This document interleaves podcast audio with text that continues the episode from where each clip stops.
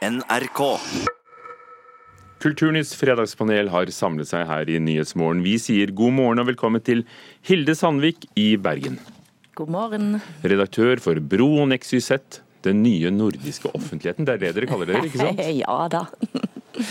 Kjersti Horn, regissør. Nå sist for scener fra et ekteskap av Bergman på scenen på Rogaland Teater nå. Hei. En intens, nærgående og høyst potent forestilling, skriver VGs kritiker. Er det ord du kunne brukt om deg selv? Ja, kanskje det. Vi tenkte det. Intens, nærgående og høyst potent. Stein Olav Henriksen, direktør for Munch-museet, som nylig åpnet utstillingen Exit, som markerer begynnelsen på slutten på dagens Munch-museum før et nytt skal åpne, er det ikke sånn? Jo, akkurat sånn er det. Men vi skal ha åpent helt fram til vi åpner det nye museet i mai-juni neste år. Du har vært mange ganger med i Nyhetsmorgen, men ikke i denne sammenhengen. Bare så Du vet, det. du må svare ja eller nei først. Til dette spørsmålet, f.eks. Prinsesse Märtha Louise er på turné sammen med Durek Barrett. 'Prinsessen og sjamanen' heter det. Bl.a. i Tromsø, hvor vi møtte disse menneskene. Jeg mener akkurat det samme som de sier. At vi har kort, lite, for mange et kjipt liv. Og vi lar frykten råde. Og sånn, skal vi ikke, sånn trenger vi ikke ha det. Hun representerer jo oss, alle vi som eh, tror på litt andre ting enn Eller kanskje mer enn andre, andre gjør. Forsker Henrik Tune skriver i Aftenposten det Märtha Louise gjør nå, er akkurat det samme som hun har drevet med i mer enn 20 år. Å hjelpe til med å åpne opp Norge og gjøre samfunnet romsligere og mer aksepterende. Bidrar prinsesse Märtha Louise til et åpnere samfunn? Stein? Ja. Kjersti? Nei. Hilde? Jeg syns det er så vanskelig. Ja, Begynn, da. Prøv.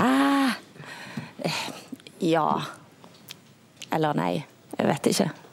Rett og slett. Jeg syns det er helt forferdelig vanskelig å vite. OK, Stein Olav Henriksen, si det du. Eh, Jeg mener at vi har en prinsesse som eh, tåler å være annerledes. Eh, Jeg syns det er veldig flott at hun utfordrer dette veldig homogene samfunnet som vi i hvert fall tradisjonelt har hatt eh, i Norge. Så det å åpne opp de rammene og gjøre det eh, skal vi si at hun som med sin posisjon kan være med å skape et åpnere samfunn, samfunn som tåler mer, og som vi tåler også annerledeshet mer, det syns jeg er veldig bra. Og så er det jo veldig modig gjort. Altså, hun er jo hele tiden i offentlighetens eh, søkelys. Eh, Hun vet hva hun gjør, og hun har jo utfordret, som, som det ble sagt her, eh, nærmest hele livet. Så jeg syns det er helt strålende at hun, at hun tar den, den belastningen det er å være så annerledes. Kjersti Horn. Jeg synes, Det er mulig hun gjør det på andre områder, men jeg syns ikke med dette her altså, Jeg selv, da, som har en alvorlig diagnose, har blitt eh, møtt av så mange sånne typer av mennesker som skal helbrede og hjelpe og sette diagnoser og behandle gjennom alger og varm suppe og allsang og ditt og datt. Jeg syns det er kjempe, kjempealvorlig å tjene penger på andre menneskers eh, problemer og ulykke på den måten, å bruke en offisiell tittel. I det henseende syns jeg er kjempealvorlig. Etter å ha hørt dette klare ja og nei, Hilde Sandvik, står de klare for det? Nei, for det er, jo nettopp, det er jo nettopp i dette skjæringspunktet her jeg mener at det er et store utfordringen ligger. Ja, på den ene siden så utfordrer hun mange konvensjoner. Henrik Tune beskriver her disse her eh, altså den type sosiolekt som hun var en del av. sant? Hun, han gikk på KG, hvor de fant seg med de andre rike, hvordan de gikk på Roseballene sammen, eller hva den heter. sant? Altså, hun, hun trenger ut det rommet som det er å være en borgerlig prinsesse i Norge. Men jeg har store problemer i øyeblikket hun påstår at hun kan, eller at han kan, eh, helbrede alvorlig sykdom osv. Når det er sagt, så tenker jeg òg at det er mange som lever trøtte liv. Eh, og finn en måter å tenke seg sjøl ut av det, så vær så god. I det øyeblikket du sier at du kan helbrede noe som er faktisk eh, uhelbredelig, så har det, ingen, så, så har det ikke noe plass. Nå er det kanskje ikke meg så- ja. alger som er oppskriften der, men, men Kjersti Jorden, om ikke alger helbreder noen ting som helst, så kan man bli, bli våken av det, i hvert fall hvis du tror på det. Ja, men det er ofte mennesker som trenger noe å tro på, som kanskje trenger noe annet, som er i en veldig veldig svak og sårbar situasjon, som blir rett og slett betale penger eh, for sånne ting. Og det, det, er, det er ikke greit. Det gjør ikke Norge åpnere, det gjør det dummere og mer kynisk og kaldt. Så det å være annerledes, det var det jeg snakket om. Eh, Hva hun er, eller hva denne sjamanen er, eh, det er jo noe helt annet. Jeg bekjenner meg ikke til sjamanisme. Men jeg mener det at det er bra at folk tar sjansen på og, og, tar den belastningen det er å være helt annerledes enn alle andre, og prøve å stå for det man tror på. Så det er klart at det er mange måter å være annerledes på som er uakseptable eller uinteressante, eller kanskje til og med i konflikt med lover og regler og andre ting. Men, men nå snakker vi om annerledeshet. Og sånn sett så mener jeg det at hun eh, er med å åpne samfunnet. Hun, fra, hun fraseg seg både pengene, apanasjen og momsfritaket og tittelen hennes kongelige høylytt prinsesse. er noe hun er. Hun har jo ikke noe etternavn å, å sette på plakaten. Nei, jeg tenker, jeg tenker jo at eh, sånn som kongehuset er i dag. For det første så er det en total anakronisme, og eneste grunnen til at den på en eller annen måte kan holde seg med det, er jo nettopp fordi det på et eller annet nivå samler folket.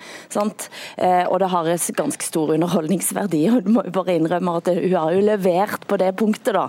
Altså, Hun leverer underholdningsverdi nesten hver gang hun åpner munnen. Jeg syns også den eh, andre siden av dette, hvor hun er ute og snakker om media, og hvordan hun håndteres av media, mm. hvordan hun opplever media, det er også veldig bra at noen Nei, snakker det, om der er det et problem. Der er et kjempeproblem, fordi at hun faktisk nå eh, går ut og nesten kaller det for en mobbing når hun møter kritikk. Eh, og Kjetil Rollnes hadde en ganske god eh, kommentar i Aftenposten, der han viser hvordan hun på et vis argumenterer nesten på samme måten som Trump i øyeblikket. Jo, jeg... er, du, er, du, imot meg, så er du på et vis enten en mobber eller driver med fake news. Nei, Det syns jeg er å trekke altfor langt. fordi eh, Jeg er jo den første forsvarer av ytringsfrihet. Jeg mener at kunstnerisk frihet, ytringsfrihet, det er jo grunnfjellet i vårt demokrati. Helt åpenbart det mest viktige verdien vi kan ta vare på. Samtidig, så med det presset hun har fra media, så er det greit at noen også sier det, at noen lager sakene på forhånd. De, uansett hva jeg sier, så står det fram på en annen måte. Jeg føler ikke at jeg får fram mine ting og mitt budskap. Og det er klart at Vi skal ha en åpen og fri presse, helt opplagt. Men at hun også uttrykker at det er tøft å være der. Eh, og at hun ikke alltid kjenner seg igjen i, i, hvordan eh, mm. det håndteres, det syns jeg også er veldig greit. Veldig mange mennesker tør ikke gjøre det. Hvis du lager en turné som heter 'Prinsessen og sjamanen', så har du jo også villet det. Hun får masse oppmerksomhet på dette her og tjener masse penger på dette her. Og det er jo selvfølgelig bevisst, hun er jo ikke dum. Mm. Og hvis den het uh Märtha og, og, og, Durek, så hadde kanskje ikke Kanskje ja. ikke. Men du lar deg ikke more, Kjersti Jorden? Nei, jeg syns ikke det er morsomt. Jeg syns ikke det er underholdning. Jeg syns det er alvorlig. Da flytter vi oss videre, vi. Bakover i historien til vikingtiden. Et nytt vikingtidsmuseum har mange ventet på. Det har til og med vært en arkitektkonkurranse. Undertegnet eh, dekket selv eh, vinneren for en del år siden. Men fortsatt er det hele i det blå, og skuffelsen var stor da det heller ikke kom penger på revidert nasjonalbudsjett. Dette er museumssjef Håkon Glørstad. Det haster veldig. Hvis vi ser bak oss her nå, så ser vi faktisk et skip der skipsplankene sprekker pga. et dårlig støttesystem. Det er kun med et helt nytt støttesystem i et nytt bygg at vi kan håndtere dette. Så vi, eh, vi gambler med tiden, rett og slett, ved å ikke gjøre noe. Siden er vikingskipene våre blitt nominert til de mest truede kulturgjenstandene i Europa. Og i går sa kunnskapsministeren på Stortingets talerstol i spørretimen at hun kunne ikke tidfeste når det kommer noe penger til dette. Kunne i hvert fall ikke si noe om neste år heller. Tar Norge vikingtiden på alvor, Kjersti Horn? Nei. Sten Olav Henriksen? Ja. Hilde Sandvik? Nei. Og det gjør vi altså. Eh, selv om din museumssjefkollega sier at eh, dette går ikke lenger? Jeg tror det er mye vi tar på alvor, men som ikke tar konsekvensen av. Jeg er ikke noe engstelig for at vi ikke tar vikingtiden på alvor. Vi kjenner den, og vi kjenner mye mer til den enn mange andre sider ved vår historie, som er kanskje vel så viktig i forhold til hvordan vi opplever oss selv og vår identitet i dag. Men samtidig så, så er jeg jo helt enig i at eh, dette eh, at vikingskipene nå ikke blir tatt vare på på en ordentlig måte, er en, eh, en katastrofe. Hilde Sandvik, du mener vi har full oversikt over vikingtiden? Nei, vi har jo ikke noen full oversikt over vikingtiden. Vi vet jo veldig lite egentlig om, om hvordan det var å være viking reelt. Eh, når det gjelder akkurat disse skattene eh, som er på museet på Bygdøy, så har jo dette vært varsla i mange tiår at det de er i ferd med. Altså det handler om bl.a. måten en konserverte disse skipene på for 100 år siden. Og en har måttet jobbe ganske iherdig for å finne ut er det mulig å bevare de uten, altså flytte de uten at de går opp i limingen, uten at de flises opp osv. Så, videre. så dette har vært kjent forferdelig lenge. Men parallelt med at disse skipene har vært helt sånn presserende for å få inn i nytt hus, eller for å få gjort på en annen måte, så har òg Oslo eh, fått og bygd kolossalt mye museer og store byggverk. Alt fra Holmenkollen til, til Munchmuseet og for så vidt og og først og fremst kanskje Nasjonalmuseet. Eh, så det har jo, blitt, det har jo, det har jo vært en enorm innpøsing av midler eh, for i, altså i kulturen i Bretta i Oslo. Og så har en samtidig ikke klart å finne en solid og skikkelig løsning for disse skipene og for, for dette museet. Og det er jo klart en kjempestor utfordring. Kjersti Horn. Ja, nei, jeg tenker bare at jeg får helt frysninger av å se på han som står og pirker i de vikingskipene og sier at de kommer til å gå i oppløsning. Det her er jo tiden det, er, det, må jo settes i gang så forferdelig fort. Og det finnes en fantastisk plan for å gjøre det. Så det er jo bare å kjøre på. Og det må gjøres nå. Mm. Jeg tror det at det kommer til å skje nå. Jeg Føler du litt sånn skyld fordi, fordi, du sitter der med det nye Munch-museet og, og, og, og, det Nei, koster så mye penger? Det at du har en kommune som er villig til å legge inn 2,7 milliarder i et skal vi si, bygg for en, en kunstner som Edvard Munch, det er jo helt fantastisk. Jeg har ikke sett noe annet eksempel på en by som har gjort noe sånt. For å si det, sånn. det andre er jo at det skjer andre ting også, ikke bare i Oslo, men i resten av landet. Det bygges mye infrastruktur i kulturfeltet og kunstfeltet. Det gjør over hele verden, og det gjør også her. Og det er veldig bra. Så det er ikke noe galt i det. Men samtidig så er det jo veldig trist da, at ikke vi ikke klarer å ta vare på den vikingskatten som, som vi har. Men, men, men er det måte. det at dette burde ligge på, på kulturbudsjettet? For her er det jo da øh, kunnskapsministeren som er ansvarlig for dette, er universitetet sine farkoster.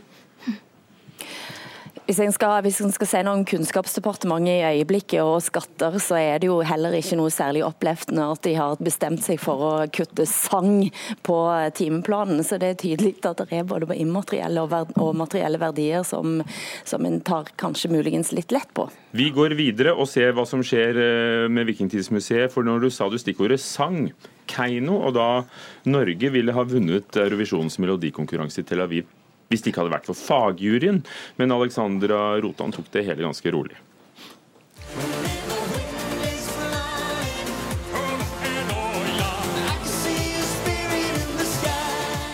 Det har vært en veldig fin opplevelse som jeg gjerne det her kunne gjerne vært hverdagen min for resten av livet. Men eh, nei, nå vant vi folk i Europa. Da skal vi hjem eh, til vårt, til vårt folk. er det på tide å kvitte seg med fagjuryen i Melodi Grand Prix? Ja. Ja. jeg må si nei, jeg, da. eh, ja, for du er litt sånn eller, Du vil gjerne at det er fagfolk som skal bestemme. Jeg brukte ikke ordet elitistisk. Nei, jeg gjorde ikke det. Nei, men altså, jeg, Det er helt flaut å si, men når jeg hørte den lille biten av denne sangen, så, så, tenkte jeg det er første gang jeg har hørt den. Jeg har, eh, nei, jeg må vel innrømme at jeg, jeg, følger ikke så veldig godt med på Melodi Grand Prix. Eh, og, og, for meg så tenker jeg at hele konkurransen er jo blitt veldig, veldig pussig på mange vis. Det ene er at den leverer helt alminnelige popsanger hver gang.